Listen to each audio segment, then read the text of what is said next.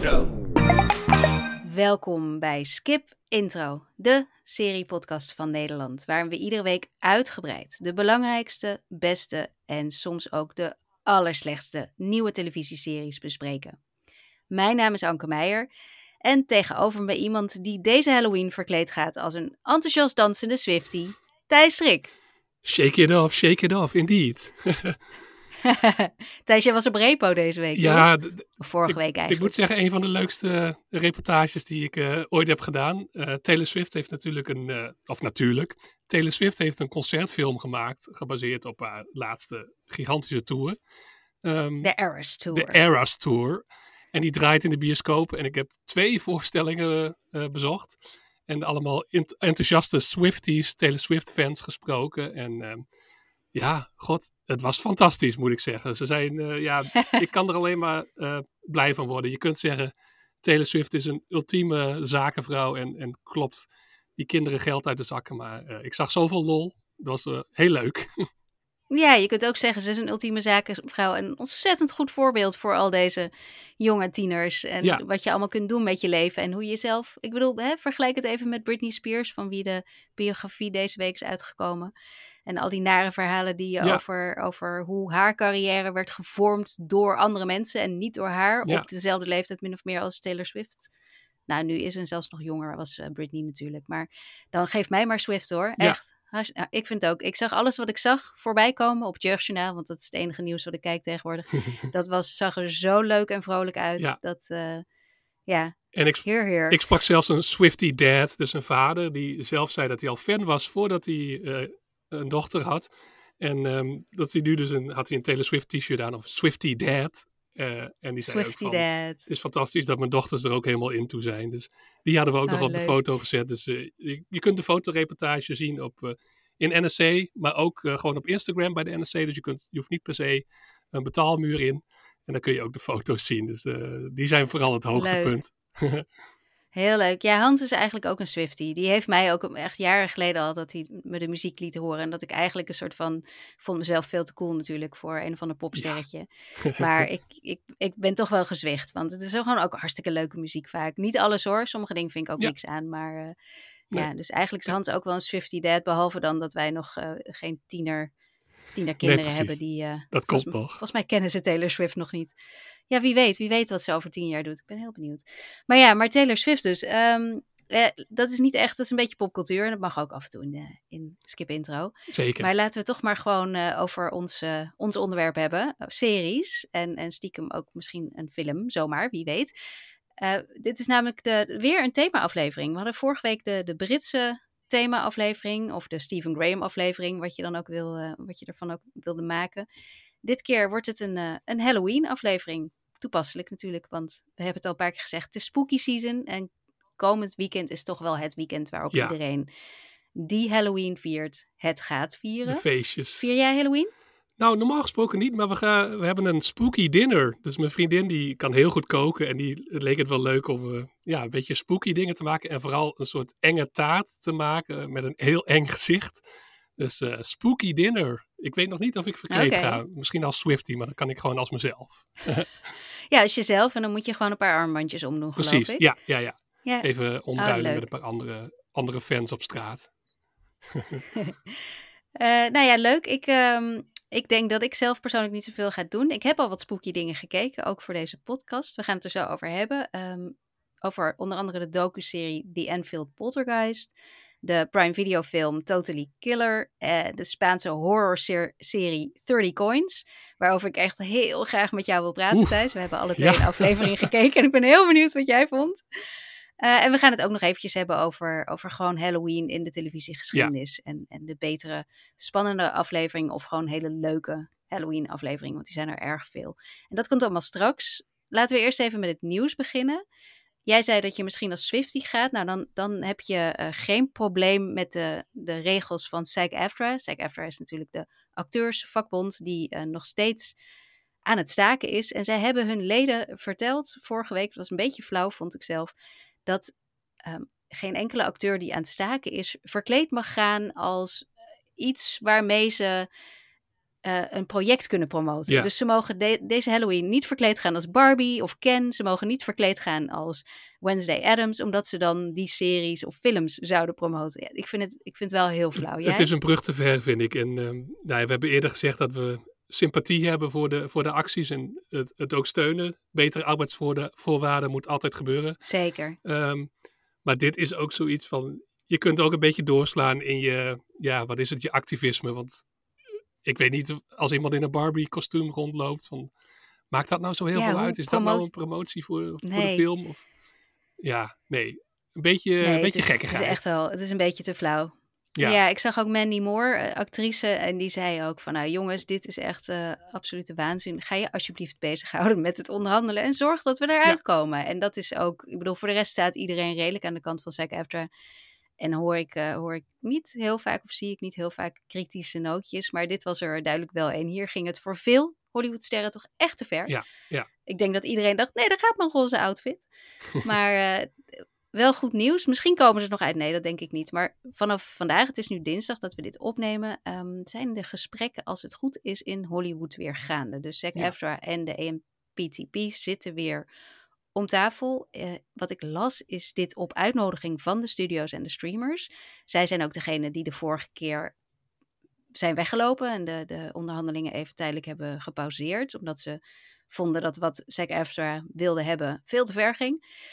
Dus hopelijk is er, is er, ja, betekent dit dat ze in ieder geval wel weer bereid zijn om iets van water bij de wijn te doen of wat dan ook. We zullen, we zullen zien welke tactiek ze allemaal hanteren en uh, wie er uiteindelijk gaat winnen. Het politieke spel is toch wel soms ook onafvolgbaar. Dat je niet uh, het ene moment zeggen ze we zijn zo ver uit elkaar, we kunnen niet meer praten. En een week later gaan ze toch weer om tafel. Is er een dus deal? Dus, het lijkt ook soms een beetje een toneelstuk. Maar ik hoop dat in elk geval dat, dat ze nu een beetje een einde hebben bedacht. En dat ze ook weten waar ze ongeveer gaat moeten uitkomen. Want uh, ja. het duurt. Het Had je vorige week meegekregen van, uh, van de George Clooney's uh, voorstel? Nee. Had je dat nee. meegekregen? Ja, dat was niet alleen George Clooney, maar er waren meerdere A-list sterren. waaronder dus George Clooney, die was de meest um, zichtbare van het geheel. Maar het waren echt best wel wat namen. Emma Stone en... nou, ik kan ze nu even niet meer terughalen, maar grote namen. En die hadden in plaats van dat ze tegen uh, de studio's en de streamers hadden gezegd van nou, doe eens wat. Of dat ze, dat ze daadwerkelijk waren gaan staken en daar met een bord stonden en zichzelf lieten fotograferen. Hadden ze de uh, mensen van SAG AFTRA benaderd en gezegd van hé, hey, we hebben misschien wel een manier waarop we meer geld in de vakbond kunnen pompen. En dat had te maken met Um, ik, ik, probeer het zo goed mogelijk en zo ja. simpel mogelijk uit te leggen. Maar als, uh, uh, als je als acteur, je bent aangesloten bij de vakbond, dan gaat 1% van wat jij bijvoorbeeld aan een film of aan een televisieserie verdient, 1% van jouw inkomsten gaat naar de vakbond. En daarmee uh, kan de vakbond uh, ziektekosten en dat soort dingen voor de leden bekostigen. Daar zit een um, plafond aan wat betreft het bedrag waarover dat berekend wordt. Dus het, en dat plafond is op 1 miljoen. Dus als een George Clooney 15 of 20 miljoen voor een film krijgt, dan hoeft hm. hij maar 1% over 1 miljoen te betalen en niet over dat hele bedrag. En zij, al deze A-list sterren die dus altijd rond de 15 of 10 miljoen verdienen, die hadden gezegd, wij willen dat plafond wel um, laten verdwijnen. We vinden het niet erg om meer te betalen en daarmee hm. haal je zoveel geld binnen ja. dat misschien een aantal van die of dat een groot gedeelte van dat geld wat jullie nu bij de studio's proberen te halen, dat, dat kunnen we dan misschien zelf genereren. En dat is natuurlijk een ontzettend uh, goed voorstel. Het is misschien ook wel eigenlijk dat ze dat sowieso wel moeten doen. Ja. Maar het lost het niet echt op, want ten eerste pleit je de andere kant daarmee vrij, die eigenlijk gewoon moeten zorgen dat er eerlijke uh, lonen zijn. En aan de andere kant ging dit ook om iets wat niet, ja, het, het, was niet het probleem wat aangepakt moet worden via die vakbond. En die stakingen zijn er ook natuurlijk niet voor niks. Dus het was, het was goed bedoeld, maar ook wat ik las, eigenlijk gewoon een beetje dom. Ja. Dus ja. The too long did not read is een beetje dom. Ja, maar ja. Sympathiek, precies. maar een beetje dom. Zoiets. Ja, precies. Ja, en, een beetje, en ook wel heel erg, ik vond het ook wel weer passen bij het beeld wat je toch wel een beetje van dat soort Hollywoodsterren hebt. Dat ze denken van ja, kom op, dit moet er gewoon opgelost kunnen worden. In plaats van dat ze een beetje handen uit de mouwen en daar dus ja. met een bordje gaan staan nee, demonstreren dat, uh... voor de studio's. Was, was dit de oplossing van we kunnen het wel oplossen met geld. Zo kwam het een heel klein beetje op mij over. Ja, dat is ik vond het een beetje flauw en ook. Denken.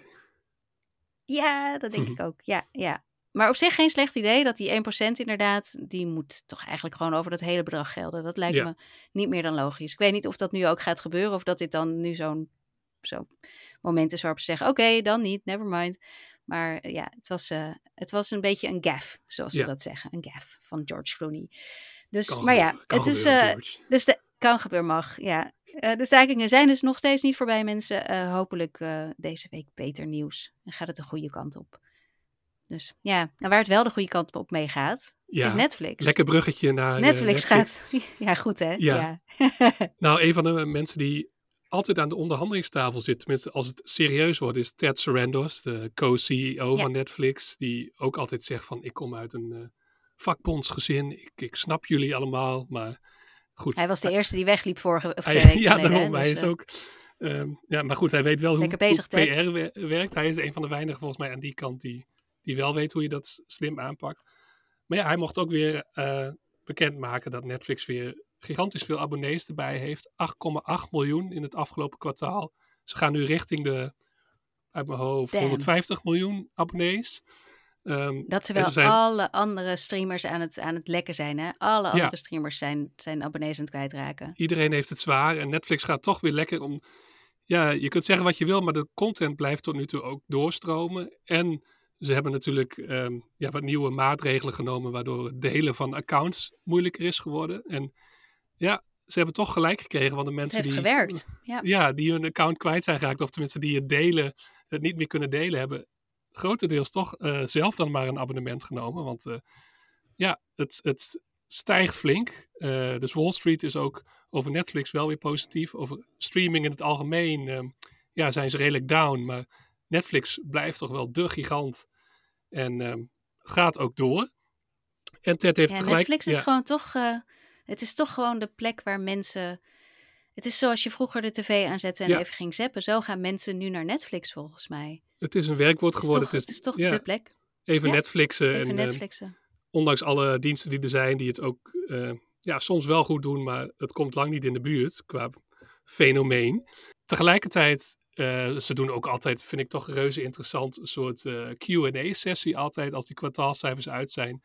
Um, daar werd ook verteld dat ze toch weer wat meer transparantie beloven qua kijkcijfers ook. Want ik denk voor ons allebei wel een mhm. frustratie dat Netflix ook heel vaak zegt van we hebben weer de best bekeken Netflix-serie ooit en zoveel minuten, maar het is nooit helemaal het zegt niks. Ja, te checken. Het zegt heel weinig.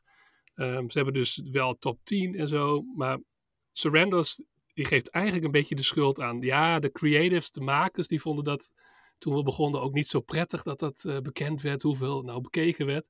Maar hij belooft dat het echt uh, de komende tijd toch beter gaat worden en dat ze meer transparantie gaan geven. Dus ik hoop het. Alleen meestal is het, als ze dan al iets uh, geven, dan is het van dingen die heel succesvol zijn. En ik ben ook wel benieuwd van wat nou keihard flopt. En ja, je merkt meestal wel als iets ja. wordt gecanceld dat het niet geno goed genoeg was. Maar ik ben toch wel benieuwd hoeveel de mensen er dan ook naar zo'n uh, mislukte serie kijken. Dus ik hoop dat Ted daar ook eens wat meer uh, openheid over gaat geven. Ja, ook vooral omdat het inderdaad. Hollywood draaide, of de televisieindustrie zal ik zeggen, draaide natuurlijk altijd om die kijkcijfers, om die Nielsen-ratings, zoals ze in Amerika worden genoemd. En dat ja. was wel echt heel belangrijk. Als een serie niks deed, dan werd die soms na drie afleveringen gewoon stopgezet. Dan, ja. omdat, er, omdat ze vroeger natuurlijk seizoenen maakten terwijl het werd uitgezonden. Dus dan werd het gewoon stopgezet. Het scoort niet genoeg, we stoppen het nu.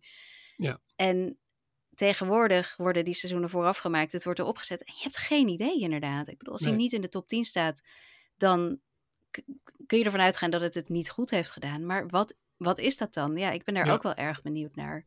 En ook, ik, ik twijfel toch altijd nog een heel klein beetje of die top 10 niet enigszins gemanipuleerd wordt. Ik weet dat nee. ze altijd zeggen van niet, maar ja, we weten niks. We weten niks. Dus dit zou wel, dit zou voor ons, voor de makers, voor, voor Hollywood, het zou wel heel veel goed doen. En het zal ook wel voor heel ja. veel makers behoorlijk teleurstellend zijn hoor. Om te merken dat, dat ook, hun serie ja. heel, heel slecht gescoord heeft. Ik bedoel, niet, niet zo erg dan uh, tegenvallende cijfers. Nee, dat is, ik, uh, ik zit ook altijd een beetje zenuwachtig naar onze cijfers te kijken. niet hartstikke goed doen trouwens, dus ik heb nergens over te klagen. Maar... Ja, nee. En het is het, ook altijd wel een soort van leuk spel. Ook met de, met de films, ook met de box office. Dat je ziet wat in het weekend heeft ja. gescoord. En eh, ook in Nederland, ik kijk niet zoveel reguliere tv, maar het is toch altijd wel weer smullen als er een of andere mega flop is en de mediacorant daar dan uitgebreid over kan gaan schrijven.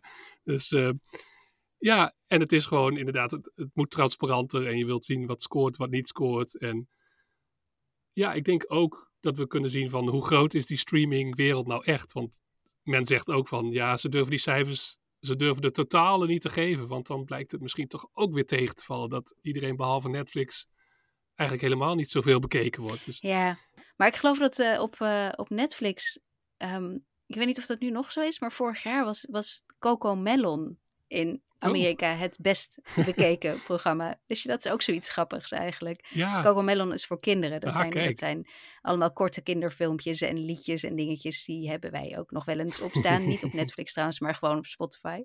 Maar dat schijnt dus... Dus het is dat, ik denk dat we ook een beetje gaan schrikken als we Ja. erachter komen. Wat er nou daadwerkelijk allemaal gekeken wordt. Precies. En dat ik dit weet is dan wel weer omdat er dus wel wat wordt vrijgegeven. Maar hoeveel dat wo- wordt gekeken en hoe groot die verschillen zijn Ja, tussen wat zo'n ja, toch wel hele simpele ehm, kinderserie, echt voor, echt voor driejarigen, zeg maar, of tweejarigen, wat die dan doet in vergelijking met een prestige show, weet je. Ja. Dat, ik ben er toch wel benieuwd naar. Ja. Maar ja, het gaat misschien nog wel even duren, of niet? Of hij- heeft hij al gezegd, volgend jaar nee, krijgen hij we heeft nog volgens mij niet echt veel duidelijkheid gegeven, maar ehm, ik denk ergens volgend jaar. Eerst maar eens even die eh, onderhandelingen afronden. Misschien dat dat ook, de dat dat ook nog besproken wordt hoor, de, in de onderhandelingen. Dat wordt ook wel gezegd van eh, Ja. de makers nu. Nou ja, de schrijvers wilden... Openheid, ja. Precies. Dus De kan- schrijvers die ja, willen dat natuurlijk hebben. en De acteurs ook. Misschien dat ze gewoon zeggen: Oké, we gaan het gewoon echt doen op hoeveel het bekeken wordt. En dan komen jullie eh, van de koude kermis thuis vaak. Want dan blijkt dat, dat je show echt niet zoveel gekeken wordt. En dan krijg je Nee. een hele andere. Dat, kan- dat kan natuurlijk ook. Hè? Ik bedoel, hè? Ik, ik, ik moet zeggen dat ik deze, deze techwereld, wat dat betreft, toch weer ook weer niet zo heel erg. ehm, vertrouw dat ze het beste voor hebben met hun makers. Nee, Toch vooral het beste voor met zichzelf. met Dus zichzelf en het, met, eh, met de aandeelhouders. Met de aandeelhouders, ja, Wall Street. Anyway, laten we, laten we lekker naar de series. Ja, nou, gezellig wil ik niet zeggen, Thijs. Het is alles behalve gezellig wat we nu gaan doen. Het is spooky, spooky namelijk. Nee, we hebben eh, ieder een, een eigen tip, eigenlijk. Want ik, die van mij is wel echt een tip. Die van jou ook, toch? Ja, ze- ja, het is zeg maar zo'n lekkere drie sterren, anderhalf uur tip. Fijn. Oké, nou zullen we daar dan gewoon mee beginnen? Dan komt mijn tip hierna. Ja. Jouw tip is eh, Totally Killer. Dat is een film. Totally- we, we smokkelen hem er gewoon even in. We spelen even vals in deze Ja, serie podcast. Gaan we deze film. Maar het is een direct-to-streaming, neem ik Ja. aan. We hebben een beetje een soort van onofficiële regel van af en toe een interessante direct-to-streaming film. Eh, die, die mag wel. En het is wel eentje met een, eh, ja, twee TV TV-iconen er eigenlijk in. Kiernan Shipka, beter bekend als Sally Draper in Mad Men. En als eh, Sabrina in Sabrina. Sabrina. the Teenage Witch, alleen Sabrina the Witch. Die speelt de hoofdrol. En haar moeder wordt gespeeld door Julie Bowen uit Modern Family. Ook zo'n Mhm. zeer gewaardeerde sitcom waar ik zelf na een paar seizoenen wel klaar mee was. Maar veel mensen kijken het nog steeds Ik, met eh, veel plezier. Ik weet het. Hij wordt me wel eens getipt. En dan zeg ik, aha. Want ik heb het, ik heb het nooit leuk gevonden. Ik heb Oh ja. zelfs Ja, niet eens kan. echt gekeken. Nee, Dus- nee. Ja, ik, een paar seizoenen toen ik Sorry nog allemaal Modern. Family. Ik weet niet of ik nu vijanden maak, maar het spijt me. Niet voor mij. Maar goed, To- Totally Killer dus met eh Shipka in de hoofdrol als ehm, een tiener, een moderne tiener die gewoon, nou ja, altijd een beetje een lastige relatie heeft met de moeder. Dat is natuurlijk wel, hoort bij de leeftijd als je 17 bent. Volgens mij is de actrice zelf al 10 jaar ouder, maar dat, dat hoort ook bij het 27, genre. ja, dat moet dat wel. ja. Ehm, maar het wordt eigenlijk een, eh, een, een tijdreis comedy slash slasher. Want het gaat over, eh, ja, eh, haar personage komt terecht in een soort van tijdmachine. Vraag niet hoe ze er precies in komt en hoe die machine precies werkt. Maar lang verhaal kort, ze komt in 1987 terecht. En dat is precies de tijd dat een eh, beruchte seriemoordenaar rondloopt op de middelbare school van haar moeder. En haar moeder is dan dus net zo oud als zij is. Dus ehm, die wordt weer door een andere actrice gespeeld. Ehm, ja, en eigenlijk probeert eh, ons personage, ons hoofdpersonage, te voorkomen dat die seriemoordenaar toeslaat. Want die heeft dat dus gedaan. Die heeft meerdere klasgenoten van haar moeder vermoord. Alleen de moeder zelf heeft het Oeh. overleefd. En nu ehm, ja, Tresse Maar dus... levenslang trauma eraan Ja, overgehouden. levenslang trauma, inderdaad. Daarom is die moeder ook een beetje protective. Ja, je, je kent het wel. Ze, moet, Mm. ze mag niet zomaar de Ik- deur uit. Dat Het zit vol dingen. met tropes volgens mij. Ik hoor allerlei clichés. Maar ja. het is ook, de knipoog is overduidelijk, want ze, ze knipoogt nog net niet letterlijk de camera in, maar ze zegt ook van, oh shit, ik zit in een soort Back to the Future. Dat probeert ze dan ook uit te leggen aan mensen van, kennen jullie Back to the Oh ja, Future? oh en dan, ja, oh ja, oh ja, niet, ja. eh, niet iedereen heeft het gezien.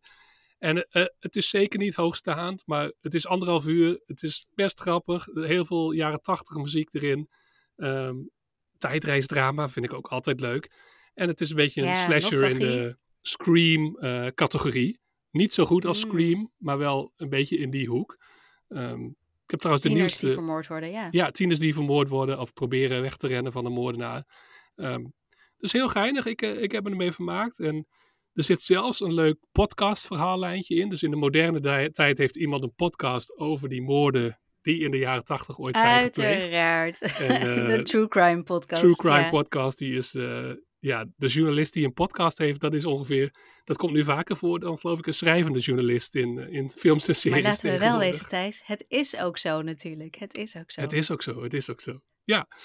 Dus eh, Wij zijn zelf grote wandelende clichés. Maar deze hele film klinkt ook als een wandelend cliché, maar wel Ja. leuk. het, het, het doet leuke dingen. En ehm, ik dacht aan het eind van, ja, leuk. Was leuk. En het is vooral, eh, ik gun wel Kina Shipka een echt leuke serie of film weer. Want dit voelt wel alsof ze net is, iets te goed is voor het materiaal. Dus zij haalt het zeg maar Hmm. een beetje eh, naar boven toe, het niveau. Eh, daardoor wordt het net boven gemiddeld. Ehm, en jullie bouwen als haar moeder is ook leuk, maar meer zo'n gastrol, maar ook wel eh, gastrol, bijrol. Ehm, Oké. Kort en Nou, krachtig nu Meer, meer Prime Video. Ja, nu op Prime Video. Het is een Prime Video exclusive of Amazon Studios. Ik eh, had gedacht van, ook dit had nog best in de bioscoop wel kunnen werken. Maar goed, de content is ook nodig voor de streamers. Dus eh, Nou, lekker. Nou, dat is in ieder geval... Als je dan op zaterdagavond eh, nog niet om acht uur naar je Halloween feestje wil... dan kun je deze lekker ingooien. En om Ja. half tien met, met vol enthousiasme en... eh, leuk om in de dat? stemming te komen. Voor, voor, eh, Ja, om in de stemming te komen. Dat Ja. was wat ik zocht. Ik had Ja. echt geen idee wat ik aan het zeggen was. Soms ben je het een beetje kwijt. En dan zit je gewoon een soort van te suffen. En dan, eh, Maar dit klinkt... Ik was niet, niet op, op aan het letten op wat jij zei. Het klinkt hartstikke leuk. En ik, eh, ik, ik weet niet of ik hem zelf ga kijken. Maar dat komt meer omdat ik zoveel andere dingen moet kijken. Maar hij Precies. klinkt wel echt als een... Ja, eh, solid eh, leuke- drie sterren. ja, solid drie ster. Ik heb mijn... De, de tip die ik neem, meeneem is een, eh, een docu-serie, uiteraard. Ik kom weer eens met een docu-serie. En het is Brits. Het is wel... Ik, ik loop over van de clichés, daar gaan we weer. Het is alleen wel een hele bijzondere docuserie. Ehm het heet The Enfield Poltergeist. Eh, hij is van Apple TV Plus en daar zit ook best wel wat geld in, dat zie je. En ze noemen hem zelf genre bending, zoals dat lekkere Oh ja. nieuwe woord. eh, dat wordt veelvuldig gebruikt tegenwoordig. In dit geval vind ik hem ook wel heel erg terecht. Want het is namelijk zo. eh, ik ga je eerst vertellen waar het over gaat. Het is de serie natuurlijk, het gaat over iets echts. Het is 1977. Een wijk in Londen, Enfield heet het. En daar een, een eh, rijtjeshuis, de hoek eigenlijk, het hoekhuis van een rijtje hele simpele huurhuizen. Daar woont een moeder met haar drie kinderen en een klopgeest. En die klopgeest Oh, nee. die terroriseert het gezin. Ja, Eh, het, is, het is echt gebeurd. Het is ook een zaak die Engeland in die eind jaren 70 enorm heeft bezig gehouden. Het heeft ontzettend veel kranten gehaald. En de BBC is langsgekomen. Er zijn radioreportages en televisiereportages gemaakt en alles. Wat er ook is gebeurd, is dat er een paranormaal onderzoeker. Dat, dat bestaat, dat is een beroep, een paranormaal onderzoeker. Deze man heette Maurice Gross. Die is daar naartoe gegaan, naar dat huis in Enfield. En die heeft daar nou, honderden uren aan bandopname gemaakt. Weet je, op zo'n oude sporenbandrecorder. Die heeft Mm, honderden ja. uren in dat huis doorgebracht met die moeder en haar drie kinderen. En die heeft alles geprobeerd te filmen. En hij heeft overal ehm, microfoons neergezet en doorgetrokken. Want het, het, het speelde voornamelijk eh, in de kamer waar de kinderen slaapt. En dan met name de jongste tienerdochter. Eh, want het leek erop alsof de klopgeest via haar communiceerde, zeg maar. Hm. Dus eh, eh, hij, heeft, hij heeft dat alles geprobeerd te vangen En ook heel veel uh, wat hij daar heeft gezien, dan iedere keer weer daarna in zijn schuurtje thuis in die bandrecorder ingesproken. Al die uren bandmateriaal, die hebben ze gebruikt voor deze docuserie. Daar hebben ze uh, het hele huis voor nagebouwd. Dus een, Oh, set waarin dat echt het huis helemaal is nagebouwd. En acteurs ingehuurd die eruit zien als de mensen om wie het in het echt ging. En die playbacken dat wat er op die bandopname staat. Dus ze Oh, zijn, omdat hij zoveel heeft gefilmd, kun je hele scènes naspelen. Ja. En dat gebeurt er dus ook de hele tijd. En interviews die hij met iedereen heeft gehouden. En dan zit er weer iemand op de bank en die is dan hem aan het vertellen wat er gebeurd was. Maar die persoon kijkt dan in de camera en het is een acteur. Waardoor het filtertje en de Oh. kleren en alles ziet het er echt uit alsof het een documentaire is die toen is gemaakt. Maar dat is Ja. dus niet, want het is alleen maar bandopname wat er Precies. bestaat. Van Dus alleen audio opgenomen. Er zijn geen videobeelden Ja. destijds gemaakt. Nee.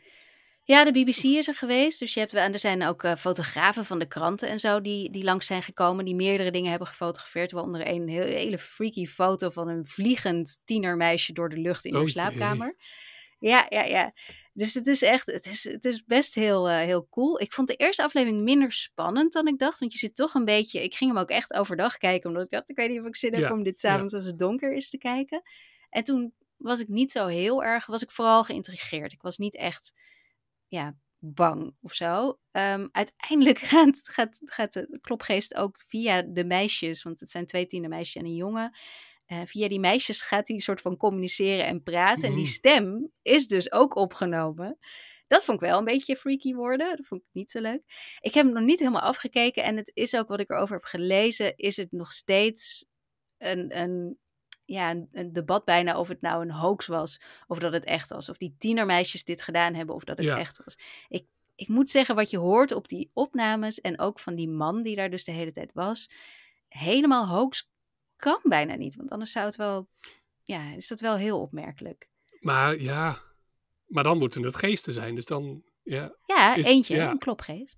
Een Maar ja, dan- poltergeist. Dat kan toch. Ja, ik, ik ben natuurlijk eh, een nuchtere Groninger die dan zegt van. Natuurlijk is dit eh spielerij.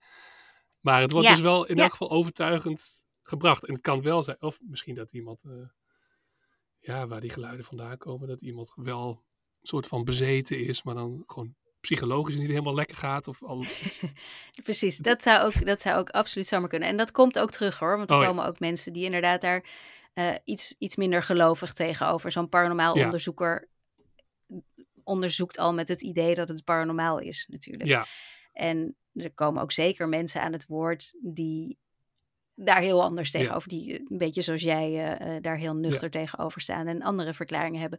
Dus het is, eh, maar het is gewoon wel een hele wonderlijke manier om dit verhaal te vertellen. In plaats van dat we, wat we gewend zijn, dat je inderdaad archiefbeelden hebt en dat je alle mensen van toen spreekt. Die spreek je ook wel hoor. Die worden ook, er, er zijn ook niet alleen maar acteurs aan het woord, maar je hebt ook gewoon de eh, oudere, of de in- inmiddels volwassen mensen of, of oudere mensen die dan weer vertellen over hoe dat toen was. Dus het is, het is wel, het is nog steeds een documentaire, maar dat stukje, ja, wat er dan geplaybacked wordt eigenlijk, is, is best heel wonderbaarlijk en erg goed gedaan. Waardoor je dus vergeet op een gegeven moment dat het acteurs zijn en, ze, en, ze, en, en bijna het gevoel hebt dat alsof je erbij wel, bent. wel spannend, ja. Een beetje Blair Witch Ja. Project-achtig. Waarvan ja, ook een tijdje of in de marketing deed alsof het echt gebeurd was. Ja, zo, als ik het zo weet hoor, doet het me daar een beetje aan denken. Maar interessante hybride je dat ik die film- zoiets. Weet je nog, ik weet niet of dat nog bestaat, vast wel, maar de sneak preview, dat je naar een film ging, ging en van tevoren niet wist wat het was. Ja, ik ging Ja. daar vroeger altijd naartoe. En deze film heb ik dus in een sneak preview gezien. Oeh, En we hadden geen idee wat het was, want oh het was nee. pre-internet, of tenminste, internet was er wel, maar het was niet dat je alles dus al ver van tevoren zag aankomen. En wij dachten echt dat we naar een documentaire hadden gekeken. We waren echt best wel heel. Of tenminste, we wisten het niet zeker, zeg maar. We wisten Ja, het, en je kon ja. het ook niet meteen opzoeken. Je kon niet nee. zeggen van. Even googlen en kijken. Dus het was, ik, ja, Tof. dat, dat, als we het dan over spooky dingen hebben. Dat was wel een van de meer eh, spooky ervaringen, inderdaad, die ik heb gehad. Ik was dan waarschijnlijk Blair Witch. weggelopen in die tijd. Want dat was Oh, too much voor mij geweest. Het duurde een tijdje voordat ik dat, eh, dat soort dingen aandurfde. Ik heb nog altijd een beetje lichte hor- horrorallergie. Tenminste in de bioscoop. Als je echt niet weg kunt eigenlijk. Dan eh, Liever niet. liever niet. Dan ga jij Candy Crushen, zoals we vorige Candy week Crushen, eh, ja. al hadden Of, besloten. ja, ja. precies. Over Candy Crush series gesproken, zullen we naar, naar de hoofdserie, de serie die we alle twee uh, hebben gekeken, namelijk 30 Coins. Porque Dios permite la existencia del mal. Si un hombre no puede elegir entre el bien y el mal, es libre.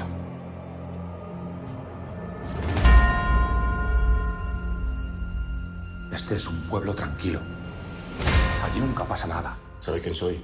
Usted es el capitán de los ejércitos del Señor. Está aquí para luchar contra las huestes del demonio.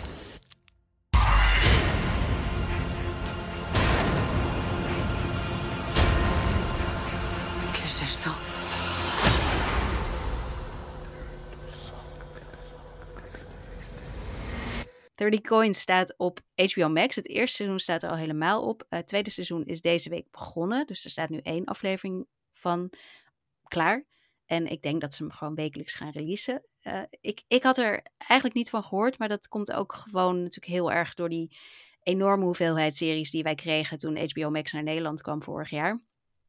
Ja. Deze stond er al op of is gekomen, ik weet het niet. Maar het was in ieder geval, toen Amerika nog wekelijks nieuwe series uitbracht, was dit een serie die een beetje wegviel. Maar hij heeft wel best wel goede kritieken gekregen. Uh, en uh, ja, wij zijn maar gaan kijken omdat hij ook echt volledig in het spooky season plaatje past. Ja, absoluut. Het is echt, er zit een exorcist in. Er zit een fucking freaky baby die als soort van groot mens wordt binnen een paar Ja. dagen in. Er zit een soort van spinmonster in. eh, Ja. Ondoden, eh, alles Ik denk- eigenlijk. Het heeft echt alles. Je, je weet meteen waar je aan toe bent. Eigenlijk vanaf de eerste scène waarin iemand gewoon eh, ergens een gebouw binnenloopt en begint te schieten en zelfs wordt neergeschoten, maar blijft doorlopen. Dat je denkt van wat Ja. gebeurt hier nou? Maar ik had een moment, een van de eerste scènes ook, dan zie je een koe. En ja, hoe zeggen we dat? Een, eh, er is een koe en eh, die is zwanger Die zijn bevallen. en die is aan het Ja. bevallen en daar- daar komt een eh, mensenkind uit. Ja, Anders kan ik het niet zeggen. En ehm, als je Ja. denkt van dit is verschrikkelijk, dan weet je van dit is niet voor mij. En als je denkt van oh dit klinkt wel interessant, wat zit hier nu precies achter? Dan, dan moet je echt gaan doorkijken, want dan dit is nog maar het begin. Dit is nog maar het begin. Ja, hij begint echt inderdaad, wat je, wat je al zegt, hij begint echt waanzinnig. Het is dus een Spaanse serie van regisseur eh, Alex de la Iglesia. En ehm, ik kende zijn werk eigenlijk niet, moet ik heel eerlijk zeggen. Maar hij heeft meerdere van dit soort dingen gedaan, volgens Ik mij. had het even opgezocht. Het is inderdaad een, een cultregisseur die al sinds de jaren negentig echt wel ja, in de hoek van de horror en de, maar vaak al Ja. wel een beetje arty horror zit. Maar dit is nou, daar mij past wel dit zijn, echt wel bij. zijn grootste succes tot nu toe. Dit is absoluut, dit is, dit is cult, compleet over de top, waanzinnig, absurd en eh, ja, ook wel, en heel gory ook vooral. Heel En gory. het begint inderdaad dus met, die, met zo'n man die echt iedereen neerschiet en zelf als een ja, wandelende dode eh, gewoon door blijft gaan, ook al wordt hij honderd keer geraakt. Daarna heb je, heb je de intro gezien of heb je die geskipt? Ja, ik heb, die, ik heb hem zeker gezien. En toen dacht ik ook, Dit is dus een intro die je niet nou? moet skippen. Inderdaad, want dan, dan krijg je opeens weer een totaal andere filter over het, he- eh, over het geheel. En het hele felle kleuren zijn. En het, en het is gewoon eigenlijk de, de kruising van Jezus en Judas die zichzelf vervolgens ophangt, volgens mij, als ik het goed begrijp. En dan is er iets Ja. wat daar gebeurt met muntstukken. Ja. Dat zijn dus die 30 muntstukken, die 30 coins. Waar het, waar het hele verhaal uiteindelijk volgens mij om draait. En dan daarna begint de serie eigenlijk nog een keer met die koe-bevallingsscène. Ja. Waarbij dus een baby uit die koe komt. Wat echt wel ook wel heel gruwelijk Ja. uit. Ja, het, het, het ziet, het- je ziet het, zeg maar. Je, ziet, je, ziet, je ziet hoe de baby eruit gehaald Ja. wordt. Het is bloederig en nasty en naar. En dan, ja, jeetje. Dan komt eigenlijk ons hoofdpersoon erbij. Want eigenlijk de, de main guy is een priester slash ex-gevangene slash bokser. Exorcist. Exorcist. ja, Vergeet het belangrijkste duivel- niet. Hij is gewoon een uit- fucking exorcist. uitgroeien. Ja. Ehm, en die wordt er eigenlijk bijgehaald door de burgemeester van het plaatje, Ja. plaatsje en een Ja. dierenarts, als ik het goed kon volgen. En Ja, zij willen eigenlijk onderzoeken van wat hier voor gekkigheid aan de hand is. Want die baby, ja, je zei het al, die, die groeit ook heel snel en die komt dan weer terecht bij een echtpaar eh, die, die zelf eh, een baby hebben verloren. En die nemen die baby dan in huis. Alleen die groeit heel snel en het wordt een soort grotesk groteske reus, reuzenbaby. Ja, Het klinkt ja, belachelijk. en die vrouw belachelijk. compleet door. En Ja. het is echt... En op het laatste, moet ik heel eerlijk zeggen, van de eerste aflevering... ehm, heb ik een heel klein beetje zitten skippen. Omdat ik gewoon... Ik, het- ja, dit was wel een beetje Candy Crush, ik maar ik, had- kon ik eigenlijk niet meer. Ik zat weg, gewoon een ja. beetje zenuwachtig te lachen. Omdat ik het gewoon... Het ging zo heftig Ja. en ver allemaal. Ik zocht eigenlijk de, de, de knop die je op Netflix wel hebt, dat je in, op anderhalve snelheid kunt spelen. Want dan is Ja. meestal ook de spanning een beetje eruit. Dat je wel ziet wat er gebeurt. Maar die, eh, volgens mij heeft HBO die niet. Ik kon hem niet vinden in elk geval. Dus nee, ik kon hem ook niet vinden. ik, Ik, heb ook keek ook een gekeken. beetje weg. eh, want ik zat wel s'avonds te kijken. Jij ook, denk ik. Dus, eh, Nee, ik, nee ja, ja, alle twee. Ik heb Ja. ook nog vandaag nog een stukje verder gekeken. dus Maar, ja, maar het maakt er niet uit. Maar- ja. het is niet. Uiteindelijk is het meer gewoon een beetje. Niet super eng, maar toch wel een beetje. Ja, maar het is Beetje gewoon wel echt allemaal heel erg. Ja, het is. Want er komt dus ook. Ja, zo'n soort van spinnenmonster is het. En die heeft dan Ja. een gezichtje. En dat is ook dat. dat ja, dat zijn echt van die dingen waarbij ik dan weg wil kijken. Ja, dit, is- dit is Ja. voor mij het Candy Crush momentje. Dat ik denk, ik, ik vind dit echt iets te, iets te goor of zo, Ja. om het maar zo te zeggen. Maar, en ook, ook zo over de top dat ik er dus een beetje van moet gaan lachen. Ja, Maar dan wel een beetje zenuwachtig. Dus het, het, het raakt wel allerlei snaren. En ik denk ook echt, en daarom wilde ik hem ook absoluut meenemen, dat ik, ik, ik kan me zo voorstellen dat mensen die van dit genre houden, dit echt heerlijk vinden. Nee, ik zocht naar wat reacties inderdaad. En ik zag ook wel mensen die al wel alles hebben gezien. En die nu ook seizoen 2 kijken.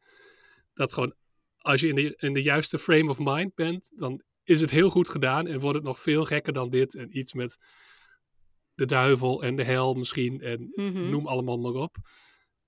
Dus dan, dan moet je het kijken. In die zin is het goed gemaakt. Dat kon ik zien. Het is niet helemaal mijn ding. Ik, ik, ik moet dan toch, ik vond het dan toch net iets te belachelijk worden af en toe. Hoewel ik wel dacht van, ja, waarschijnlijk vermaak ik me er wel mee, maar af en toe zou ik me er dan toch een beetje aan ergeren, denk ik. Uiteindelijk, de, de Oké. vo- volledige seizoen. Ja, ik, ik weet niet of ik dat zou hebben. Ik denk dat ik het. Ik vond het, ik vond het wel leuk genoeg en ik vond het ook wild genoeg. Ik, ik kon het wat dat betreft ook wel waarderen. Maar ik, ik, word er dus een beetje ongemakkelijk van. En Ja, het is, ja. Daar, dat maakt het vooral niet mijn serie. Omdat ik, ik kan wel tegen bloed, maar dan is het meer realistisch bloed of zo. Oh ja, wat, ja. Ik bedoel, ziekenhuisseries kan ik prima hebben, maar op deze manier word ik er dus een beetje ja, akelig van. En, eh, maar dat, dat moet ook, dat hoort. dus hoort, wat dat ja. betreft is deze serie hartstikke geslaagd. En leuk, eh, good old Paul Giamatti speelt in seizoen 2. De karakteracteur Oh, uit eh, Sideways en uit zoveel dingen. Uit Billions natuurlijk. Ja. Die schijnt een tech-miljardair, geen biljardair, Oh, tech-miljardair. Dus, eh, ja, dat is wel weer een interessante toevoeging. Geeft ook wel aan, denk ik, dat het een succes was dat ze zo'n eh, ja. ja, grote acteur erbij kunnen vragen. Dus die zit vanaf seizoen 2, doet hij mee. Ja, Paul Giamatti. Hmm. Ja, oké.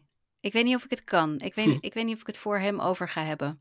Ik twijfel ook nog. Maar- hoor, maar Ja, nou ja, ik, eh, ik, vond hem, ik vond hem niet slecht. Maar alleen niet voor ons. Nee, dat is de conclusie precies. die we wel kunnen trekken. Nou, laten we dan gewoon lekker naar, eh, naar wat Halloween tips gaan. Want het is Ja. eh, bijna Halloween. En we hebben nu een aantal enge series gehad. Of spooky series. Of grappige spooky dingen. We hebben natuurlijk, er zijn natuurlijk ook heel veel, al heel lang. er- ieder jaar wordt er met Halloween, worden er meerdere Halloween-achtige series of afleveringen gemaakt. Vooral in Amerika. Halloween was voor mij ook lange tijd iets wat ik alleen maar kende van tv. Jij waarschijnlijk ook. ja, ik denk dat het daarom misschien ook zo groot is geworden hier. Dat het door tv, door series eh, bekend is geworden. En dat mensen steeds meer dachten, dit willen wij ook gewoon doen. En we willen ook zulke feestjes geven. Ja, nu moet ik, ja, nu moet ik wel zeggen dat als eh, Brabander die op zich niet van ehm, carnaval hield. Ik heb, daar, ik heb dat nooit echt leuk gevonden. Ja, als kleinkind misschien, maar daarna nooit meer. Maar heb ik toch altijd een beetje zoiets van, nou jongens, echt alles in Amsterdam en zo. Jullie hebben gewoon, jullie gaan nu Halloween vieren. Terwijl je altijd een beetje hebt afgegeven op carnaval. Kom op. Maar ja, het, is, het komt uit Amerika. Alles uit Amerika is altijd cool. Dus eh, we vieren hier nu ook Ja. inderdaad massaal Halloween. Je hoeft geen polonaise te doen het- in, bij Halloween. Ah, is dat het? Oké, is dat zal wel. nou, ik, wat het enige wat ik heel graag zou, echt zou willen overnemen, maar dat, dat gaat hier nooit helemaal werken, van het Amerikaanse Halloween is wat mij betreft trick or treaten. Want dat is echt heel leuk. Dat hebben wij in Amerika natuurlijk gedaan met onze oudste. En dat is die daar zelf helemaal niks van snapte. Maar wij vonden het fantastisch. Want man, kijk ons toch in een film rondlopen. We waren Ja, aan trick or ja. treaten. En ook de, de Ja. eh, versierde huizen daar, in, eh, zeker ook in Brooklyn, maar dus eigenlijk in heel Amerika, zijn echt waanzinnig. Dus dat- wat dat betreft is Halloween eh, echt wel heel, heel leuk. En ik vond ook altijd alle eh, televisieafleveringen daarover best heel leuk. Maar zullen we het eerst even hebben over wat onze favoriete spooky series waren vroeger? Die staan eigenlijk een beetje los van Halloween volgens mij. Want jij had een, Ja. een klassieker. En jij stuurde mij, of jij deelde mij dat, dat ehm, het filmpje van het introliedje. Ja. En toen ging ik toch in een soort van nostalgie-fuik. Dat was echt heel bijzonder. Maar vertel even. Instant nostalgie, ja. Ja. Eh, ik denk dat veel mensen van onze generatie het meteen iets zegt. Round the Twist, ehm, Australische serie. En ik moet zeggen, inderdaad, dat liedje, dat is ook hetgene wat echt wel heel erg is blijven hangen. Ja, wacht, ik ga, het, ik ga het even delen. Have you ever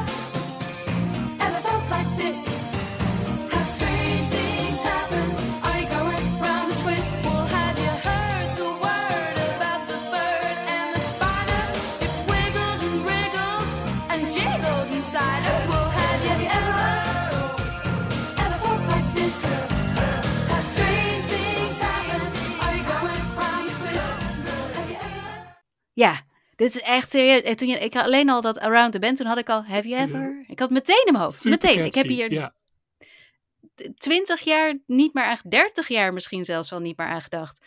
Maar wat was dit ook? Want het kwam, ik heb dus even het Ja. filmpje gekeken. We zullen het delen, de link in de show notes.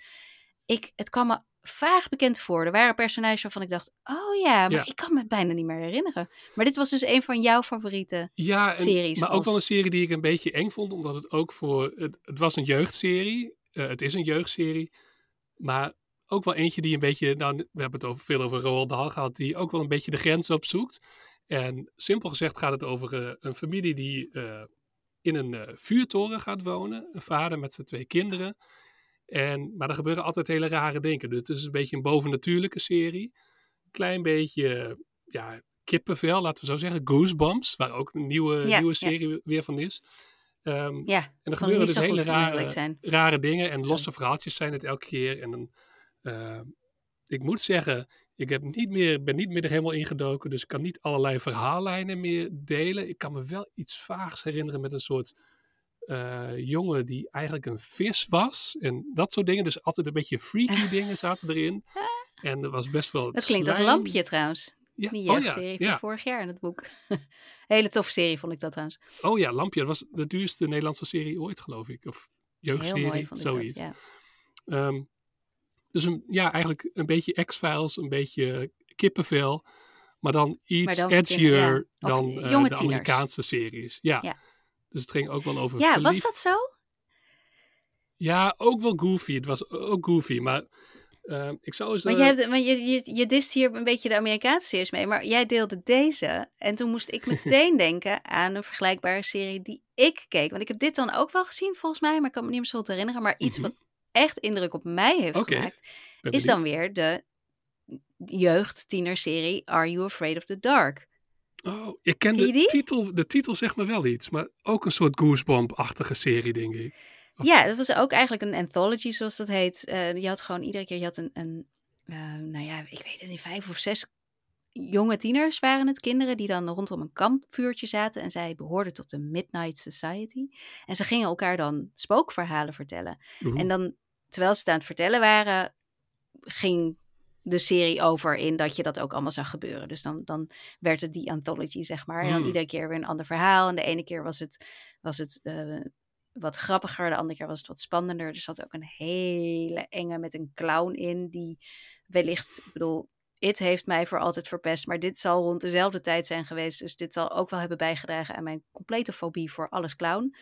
En ik vond dit echt altijd een hele spannende serie. En ik heb altijd daarna ehm, bij series als The X-Files ook natuurlijk en Ja. ehm, Supernatural bij wijze van spreken of Oh ja, Fringe ja, of weet ik veel wat, dat ik altijd wel weer een beetje op zoek was naar datzelfde. Hoe, wat gaat er deze aflevering gebeuren? En ik vind het een beetje spannend gevoel.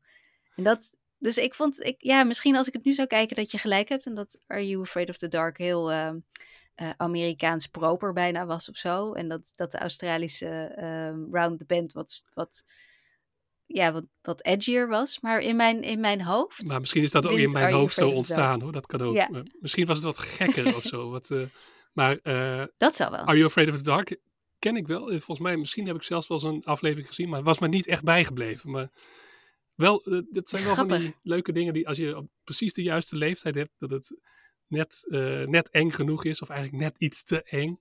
Maar daardoor wel weer Ja, heel want leuk ik, keek dus net, want ik had, ik had eerst dan het liedje van, Are you, of, eh, van eh, eh, Round the round the geluisterd. twist. En ik kon het helemaal, Round the Twist, sorry. En ik kon het helemaal meezingen. En toen dacht ik, maar hoe ging van die, die van Are You Afraid of the Dark ook alweer? En dat is geen liedje, maar dat is een soort van spooky introotje, waar dan een lucifer wordt afgestoken. En ik zag hem en ik kreeg ook helemaal weer een Oh. soort van kriebels. Die moeten we ook even Dus is luisteren ook- dan nu.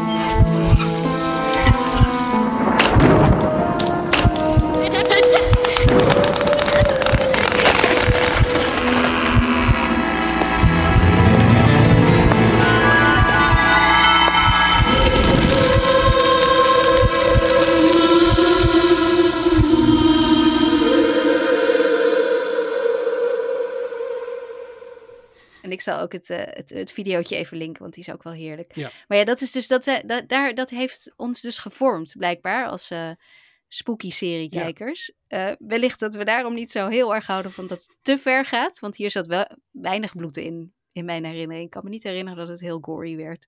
Denk- Meer een beetje spannend altijd, is een beetje spannend, ja. En toch allemaal, ja, als je echt hele brave dingen gewend bent, dan, dan zijn dit soort series toch wel even, even wennen ook. Dus dat, dat maakt wel een flinke indruk. Even leuk en anders, ja. Ja. Hey, en ik, eh, er zijn natuurlijk ook heel veel lijstjes nu eh, die je overal kunt vinden van eh, lekker spannende of, of Halloween-achtige afleveringen.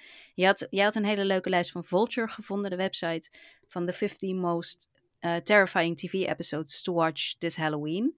Daar stonden, vond ik heel opvallend, een aantal best wel recente afleveringen op van dit jaar nog, waaronder When We Are in Need van The Last of Us. En dat is die aflevering waarin Ellie bij die eh, in dat, ja, in dat, dat verlaten stadje komt met die Mm. soort van gemeenschap Ja, met, ja. ja. spoiler warning, eh eh, kannibalen, basically. Eh, dat was inderdaad ook best wel een hele nare, creepy, bloederige aflevering. Dus, maar ja, dat, ik, ik vond hem wel, ik vond het, aan de andere kant dacht ik, was dat niet bijna alles van The Last of Us? op Precies, die ja. ene hele mooie aflevering 3 na. Ja. Nee, niet per se een ultieme klassieker. Zo voelde die niet. Maar gewoon Nee. binnen de serie paste die goed, dat wel. Ja. Ja, en hij was wel, hij was wel lekker creepy. En ze hadden dan ook Black Mirror's eh, Beyond the Sea. Dat is die aflevering met Josh Hartnett en Aaron Paul, waarin zij een beetje dat soort van futuristische retro verhaal over, ja, wat zijn het soort van astronauten die wiens lichaam ergens in de in space is en, en ze dan via een of ander futuristisch mechanisme in onze wereld kunnen, op bezoek kunnen gaan, zeg maar. Oh, en dan ja. wordt zijn familie van Josh Hartnett, geloof ik, uitgemoord waar hij bij is, terwijl hij niks kan doen. Het is eh, ook wel best wel heel gruwelijk en naar. Dat, dat weet ik nog wel, inderdaad. Maar ja, ik, ik vond hem ook, ik weet niet, ik dacht als dat het dan is. Ja. Een andere aflevering die daarbij stond was eh, eh, van Atlanta, Teddy Perkins. En die vond ik dan wel weer. Daarvan dacht ik, ja, dat is een klassieker. Heb je die Dat- gezien? Die heb, nee, ik moet toegeven dat ik die niet heb gezien. Dat ik Atlanta bij, ik denk dat dat niet in seizoen 1 was. Dat ik bij seizoen 1 Nee. ben afgehaakt. Ook omdat het toen slecht te bekijken was. En toen pas veel later weer goed te Klopt. vinden was op Disney+. Plus. Ja, Dat dit ook een van de dingen is die nog ja, mij een beetje zo aankijkt vanaf de kijklijst. Van je moet Atlanta nog Nou, la- afkijken. Laat me dan deze. Dit is dan echt wel een, eh, een aflevering. Als je dus niet eh, die anderhalf uur voor die film hebt dit weekend, maar wel eventjes in de stemming wil komen, dan is Teddy Hmm. Perkins ook wel echt een hele goeie. Want het duurt natuurlijk een stuk, dus maar 20, 25 minuten of zo. Misschien zit ik ernaast en duurde deze toevallig langer, maar nooit echt heel lang. Eh, en hierin, dit, dit is echt wel een op zichzelf staand verhaaltje, Ja. zoals dat bij Atlanta wel vaker was. Eh, en want je hebt eigenlijk maar één hoofdpersoon, dat, eh, Darius, eh Lakeith Stanfield was dat, die dan een gratis piano, ik geloof via Craigslist, heeft gevonden. En die gaat hij dan ophalen bij een of andere mansion ergens. Ik weet niet meer waar, maar het is in ieder geval ver, ver weg ergens in the middle of nowhere. En ehm, daar doet een man open, eh, Teddy Perkins heet die man. En die ziet er al meteen heel Mhm. erg freaky en gek uit. En je weet dat er van alles mis met hem is. En hij wordt gespeeld door eh, Donald Glover, die natuurlijk de hoofdpersoon ook is in Atlanta. Maar hij heeft zoveel lage make-up en, en ehm, protheses op dat ook Lakeith Stanfield hem niet herkende terwijl ze het aan het opnemen waren. Hij kwam er pas Oh, later ja, achter dat het ja. dus Donald Glover was met wie hij die, al die scènes had gespeeld. Dus dat is wel heel grappig. En ik zal niet verklappen wat er verder allemaal gebeurt, maar het heeft echt wel een beetje Get Out vibes. En dat je gewoon, ja, dat het freaky is. Hij zit daar echt een beetje gevangen. Maar aan de andere kant was Darius eh, ook wel een van de meest bijzondere personages op tv. Dus het, het overkomt hem allemaal een beetje. En eh, ja, je weet ook nooit hoe hij erop gaat reageren. Dus het is, al, het is Ja. echt een klassieker. Het is echt een hele leuke aflevering die je zeker Ja. moet kijken. Ja, dat is wel fijn dat hij een losstaande is. Dan kan ik hem nog eh, gewoon bekijken zonder dat ik meteen de druk voel om alle seizoenen door, door Om te alles te doen. Ja, precies. Ehm, nee, maar dat, als je dan deze ziet, dan eh, komt dat vanzelf wel weer. Ja. hoor, Want dan wil je de rest ook zien. En Donald En, Glover. ja, over Donald Glover Ik wou net zeggen, over dan, wat een mooi bruggetje. Ja, want eigenlijk voor mij is, en daar hadden we het voordat we gingen opnemen al over. Je hebt inderdaad al die enge afleveringen, al die spooky series en dingen. Maar eigenlijk is Halloween voor mij eh, vooral de sitcom. De sitcom die Ja. ieder jaar weer een Halloween aflevering maakt. Omdat Ja. dat nou, en vooral de sitcoms van vroeger, omdat het nou eenmaal in die televisieseizoenen van toen was er net als met de Thanksgiving episodes die ze altijd hadden en soms de kerstafleveringen, was er gewoon ruimte om van die 22 afleveringen één aflevering over zo'n specifiek eh, onderwerp, zo'n feestdag Ja. te maken. En dat was ook altijd een hele goede ja, manier om een verhaal te vertellen natuurlijk. Niets leuker dan Halloween feestjes. Want je hebt natuurlijk Friends, de Halloween aflevering, waarin Phoebe het dan per ongeluk aanlegt met de vriend van haar zus, die gespeeld wordt door Sean Penn. Eh, wat, wat ja, dan alleen maar kan omdat ze verkleed is en hij weet niet precies wie ze dan Mhm. is. Weet je, wel, dat, het, is natuurlijk, het zijn allemaal van die tropes ook. Ja. Halloween is één grote trope die altijd weer terug kan komen. Iedereen verkleed. En wij hebben Ja. ook een beetje, ja, en we hebben alle twee een beetje nagedacht, want dat zijn toch eigenlijk onze favoriete Halloween afleveringen. En welke, welke springen, springen er voor jou bovenuit als je aan Halloween denkt? Nou, naast eh The Simpsons, maar we hebben natuurlijk eh, in onze teletijdmachine uitgebreid over The Simpsons gehad. Maar The Simpsons heeft ook altijd de Treehouse of Horror Spectacular. Dus een, een Hmm. aflevering met, die altijd op eh, Halloween gericht is. Ze hebben er geloof ik ook al bijna ieder seizoen eentje gemaakt waar dan ook per aflevering drie losse verhalen worden verteld. Dus in 20 minuten drie verhalen. Altijd eh parodieën, altijd satire op iets. En ik heb Het lijkt Bodies wel. het lijkt Bodies wel, ja. Ik heb eh, de nieuwste die hier in Nederland beschikbaar is ook even gekeken gisteren. Er zit een parodie op van de Beda, Beda Duke. Die horrorfilm die ik zelf niet heb gezien. Waarin eh, alleen in deze aflevering is Marge die dan een beetje bezeten wordt door een, eh, door een geest. En dan eh, probeert haar eigen kind te vermoorden. Best heftig. En er zit een soort anime-aflevering tussen. En er zit een parodie op eh, Westworld in. Wat een beetje te laat is, maar dat gebeurt wel eens vaker bij The Simpsons. Dus dat is leuk. Soms zijn ze heel vroeg Ja. en soms een beetje te laat. Maar de allerleukste, ehm, en we hadden het vooraf er al eventjes over, dat, over Community. Een, een serie die natuurlijk ook heel Ja. erg met tropes speelde en altijd commentaar Ja. was op, op allerlei genres. En die, het was een sitcom, maar het kon ook opeens een western worden of een, eh, nou ja, zoals hier dan Horror. een zombie Een horror-achtige zombie. aflevering. En ik hoop dat ik de aflevering goed uitspreek. Epidemiology heet de aflevering. Eh, uit Epidemiology. uit- Ja, het is alsof het een, eh, een, een klas is. Hè? ja, uit Ja. seizoen 2. Het is het, een serie over een community college, over een studiegroepje. En Met ook Donald Glover, Met ook vandaar Donald dat bruggetje Glover, wat jij net ging het- maken. Ja. het bruggetje. En hier is er een Halloweenfeest. En dan, je hebt de dean, dus de baas van de school. En die heeft ook de hapjes verzorgd en het eten. Maar die heeft ook een soort bedorven taco-vlees eh, besteld. En iedereen gaat dat eten. En wat je dus krijgt, is dat iedereen opgesloten zit in een feest. En dat langzaam maar zeker krijgt iedereen een soort voedselvergiftiging of erger. Maar ze veranderen ook in zombies. En dan heb je onze main crew eh, met mensen die dat Onze dan helden. die dan doorhebben.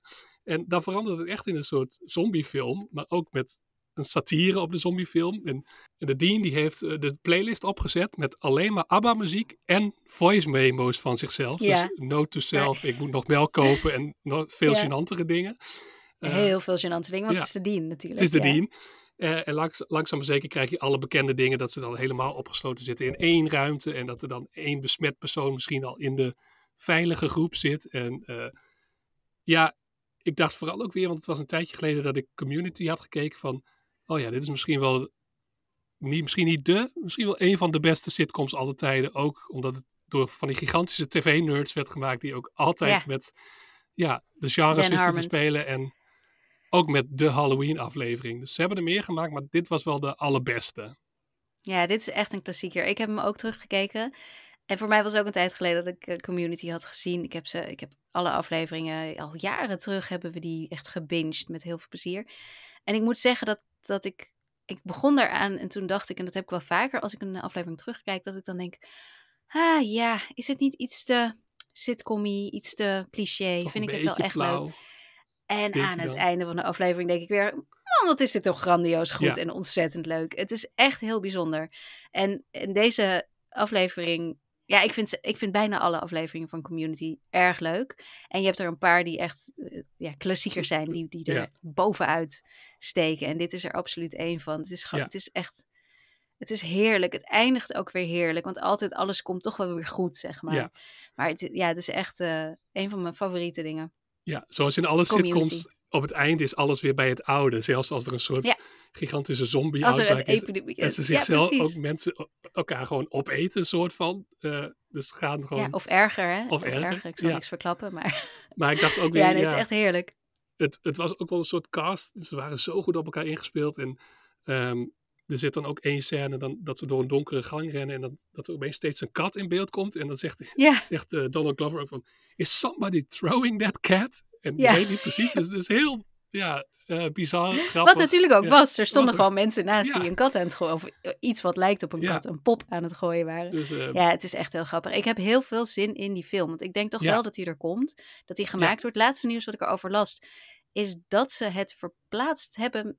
Misschien wel naar Atlanta, als ik dat goed heb. Of misschien dat, dat ik dit nu een beetje verzin. Maar in ieder geval naar de plek waar Donald Glover is. ja, omdat volgens ze mij hebben ze... heel graag willen dat hij meedoet. Ja, toch? las ik ook, ja. Dat ze echt alles eh, eraan doen om... Ja, het wordt allemaal een beetje gefaciliteerd om hem heen. Omdat hij natuurlijk wel de grote ster is geworden. En ook Ja. één seizoen eerder volgens mij al weg was. Of twee zelfs al. Ja, hij was, ja, hij was eerder, hij ging eerder weg. Terwijl Ja. hij en, en Abed waren natuurlijk de. Ja. Ja, dat, dat- toch wel een beetje het hart. Ja, eigenlijk hadden ze allemaal, ze hadden natuurlijk allemaal leuke connecties met elkaar en vriendschappen of, of romances zelfs. Maar ja, dan het, het was toch zonder hem was het, was het, Ja. was het net iets minder leuk. Dus, Dus- ik snap het wel. En Chevy Chase doet natuurlijk niet mee Nee. aan de film. Dat is ook is begrijpelijk, want een- die is ook weggegaan, maar met iets minder Verschrikkelijke iets man. minder vriendelijke voet. Ja, verschrikkelijke man. Ja. Is ook de eerste die een zombie wordt eh, in deze aflevering. Wat je, waarvan je denkt, ja, de schrijvers die wisten precies wat ze aan het doen waren. Maar eh, eh, ja, dat de rest van de kant. Ik ben heel benieuwd. Six seasons and a movie, zoals ze het altijd al zeiden ook Het, in de het lijkt te gaan lukken. Ja, ik, eh, ik heb er echt zin in. Ik kijk er naar uit. En zodra we meer weten, Ja. dan komen we er hier zeker weer op terug. Nee. Dat wordt ook zo'n film die we gewoon stiekem in onze Die- serie die- podcast gaan Absoluut, die meenemen. moeten we, moeten we meenemen. Weet jij trouwens nog op welke streamingdienst het laatste seizoen van Community te zien was in Amerika? Want ze zaten bij NBC en ze Ehm. zijn op het eind naar een streamingdienst gegaan, nog voor een laatste seizoen. Was dat Netflix? Nee, het was het legendarische Yahoo Screen. En mede Oh, dankzij Community ja. is, is dat helemaal ten onder gegaan. Mede dankzij community. Ja, omdat dat, ja, daar hebben ze, hadden ze het kostte te veel veel geld. geld in gepompt. En eh, dat werd niet het succes wat ze hadden gehoopt. En, eh, ja, ook Yahoo, wat een soort, ja, het bestaat nog steeds, schijnt. Maar die wilden ook een streamingdienst en die hadden Community als grote, ja, klapper, dachten ze, nog een nieuw seizoen. Ja. Ehm, ja, dat vond ik wel grappig toen ik toen even was het de, al misschien- zocht, eh, gisteren van, oh ja, Yahoo Screen. En staat die dan op Netflix nu? ja, staat eh, nu, ze hebben alles in, in één pakket eh, uiteindelijk verkocht en is Toch ook wel. hier op Netflix, Ja. gelukkig. Ja. Oh, dan hebben ze er vast nog wel een beetje aan verdiend. Dat scheelt. Ja, waarschijnlijk wel. Of voor een, voor een habbekrats weggedaan. Ja. Maar ja, dat is een stuk, Neem het stukje alsjeblieft van ons streamingoorlog over. wat een beetje vergeten is. Ja, inderdaad. En, en uiteindelijk blijft er toch niet zo heel veel meer over. Dan gaat Netflix gaat gewoon blijven. Apple en Ja. Prime blijven als ze er zin in hebben. Precies. Want het gaat ze niet om de streaming, alleen maar om de prestige bijna. Prestige, een soort En, bijna eh, hobbyproject van die van ja, een van tech- Bezos en Co. Ja. Ja. En dan, eh, ja, misschien Disney. Misschien Ik denk Disney, Showtime. Nee. of, of Disney wordt gekocht door Apple. Het, eh, niks zou me verbazen. Nee, mij ook niet. Ik ben benieuwd waar het heen gaat. Hoe dan ook, het is ook allemaal eh, voer voor horrorverhalen, waarschijnlijk voor de toekomst. Eh, wij, eh, wij zijn in ieder geval, we zijn er een beetje doorheen. Of had je nog iets waarvan je zegt, ik, ik wilde nog heel graag deze serie tippen? Nee, volgens mij zijn we er helemaal doorheen. Ja, als je naar de bioscoop wil, kun je naar Taylor Swift. Lekker Echt, dansen. ik heb genoten. Lekker, lekker met de. Swifties. Ja. Nee, ik geloof meteen. Echt, ik geloof meteen. Ik, eh, ik zag ook, ik was oprecht jaloers op een vader in mijn tijdlijn die met zijn dochter naar Ja. naartoe was gegaan. Dat ik dacht, dit lijkt me zo ontzettend leuk. En al die huisvlijt, dat ze allemaal t-shirts aan het maken zijn en armbandjes ook echt. Ja. Dus ik Super ben benieuwd naar welke streamingdienst, eh, aan welke streamingdienst ze het gaat verkopen. Want Oh ze heeft ja. een tijdje met? Netflix is in zee geweest, met haar vorige concertfilm. Eh Beyoncé gaat ook Aan naar de welke bioscoop. Dus Echt, ja, ja. Heel benieuwd. Maar hoe, en hoe cool, hè? Ik bedoel, ze heeft de, de Martins, nieuwe Martin Scorsese film is uit. En die heeft zoveel minder opgebracht dan Ja. de tweede week dat deze Eras film in de bioscoop draait. En nu Heel gaat ze straks, wat je zegt, het ook voor heel veel geld aan de streamingdienst verkopen. Taylor Swift rules the world op dit moment. En eh, Thijs gaat komend weekend als een Swiftie verkleed. Ik, ik ben benieuwd. Deel je de foto's op eh, Instagram? Is goed. En dan ga ik naar de nieuwe Martin Scorsese, want die wil ik nog wel zien. Oh ja, ja, ja. Nou, dan mag je volgende week wel. Ik wil hem ook graag zien, maar ik, ja. Naar de bioscoop gaan is altijd een heel eh Dat is een met kinderen. Ja. Dat is een ding. Ik, heb, ik, zit daar, ik, schrijf, ik schrijf en spreek over, praat over series. En dat is niet voor niks, Thijs. Dat komt omdat ik gewoon eigenlijk mijn huis bijna niet meer uit kan tegenwoordig. Daarover gesproken, eh, het, is, eh, het is tijd om dit af te ronden. Ik denk dat Ja. we er wel een beetje zijn. Ehm, dan ga ik natuurlijk als altijd weer het riedeltje doen. Het, het vertrouwde riedeltje. En dan begin ik met eh, de vraag of jullie ons via Patreon willen steunen. Daar krijg je natuurlijk iets voor terug. Eh, ten eerste krijg je deze reguliere aflevering altijd een dag eerder. Dat is hartstikke leuk en hartstikke fijn. Maar het allerleukste is de nieuwe rubriek. Ik vind hem nog steeds nieuw. eh, ook al hebben we inmiddels al drie afleveringen. De Teletijdmachine, waarin we een duik in de televisiegeschiedenis nemen. We hebben al een aflevering over Band of Brothers, over The Simpsons en over The OC. En daar komt binnenkort weer iets bij. En ik weet eigenlijk nog niet precies wat, want de planning moet nog aangevuld worden. Dan moeten we zo even hierna. redactievergadering. Ja, even redactievergadering. Ehm, dan wil ik nog tegen jullie luisteraars zeggen dat je eh, ons kunt volgen op Twitter en Instagram en Blue Sky via skipintro.nl. Je kunt lid worden van onze privé Facebookpagina. En je kunt ons mailen op podcastskipintro.gmail.com. Al deze dingen staan ook in de show notes als ik te snel ga. En dan vragen we je nog of je eh, wil abonneren op onze nieuwsbrieven. Eh, die van Thijs heet de Popcultuurbrief. Nieuws Popcultuurbrief, ik zei het goed. Ja. Eh, over popcultuur en dus ook wel af en toe series, maar heel veel Swift volgens mij. En eh, eh, die van mij is I Like to Watch en die gaat over series, uiteraard, want ik doe niks anders. En vervolgens vragen we je nog om iedereen die je kent te laten weten dat je naar Skip Intro luistert. Dus deel het op social media, vertel het al je vrienden, stuur ons door, geef goede recensies, duimpjes omhoog, sterren, al dat soort dingen. En nou ja, dan rest mij eigenlijk alleen nog maar de vraag of jullie volgende week ook weer willen luisteren. En dan ga ik zeggen tot dan. Tot volgende week.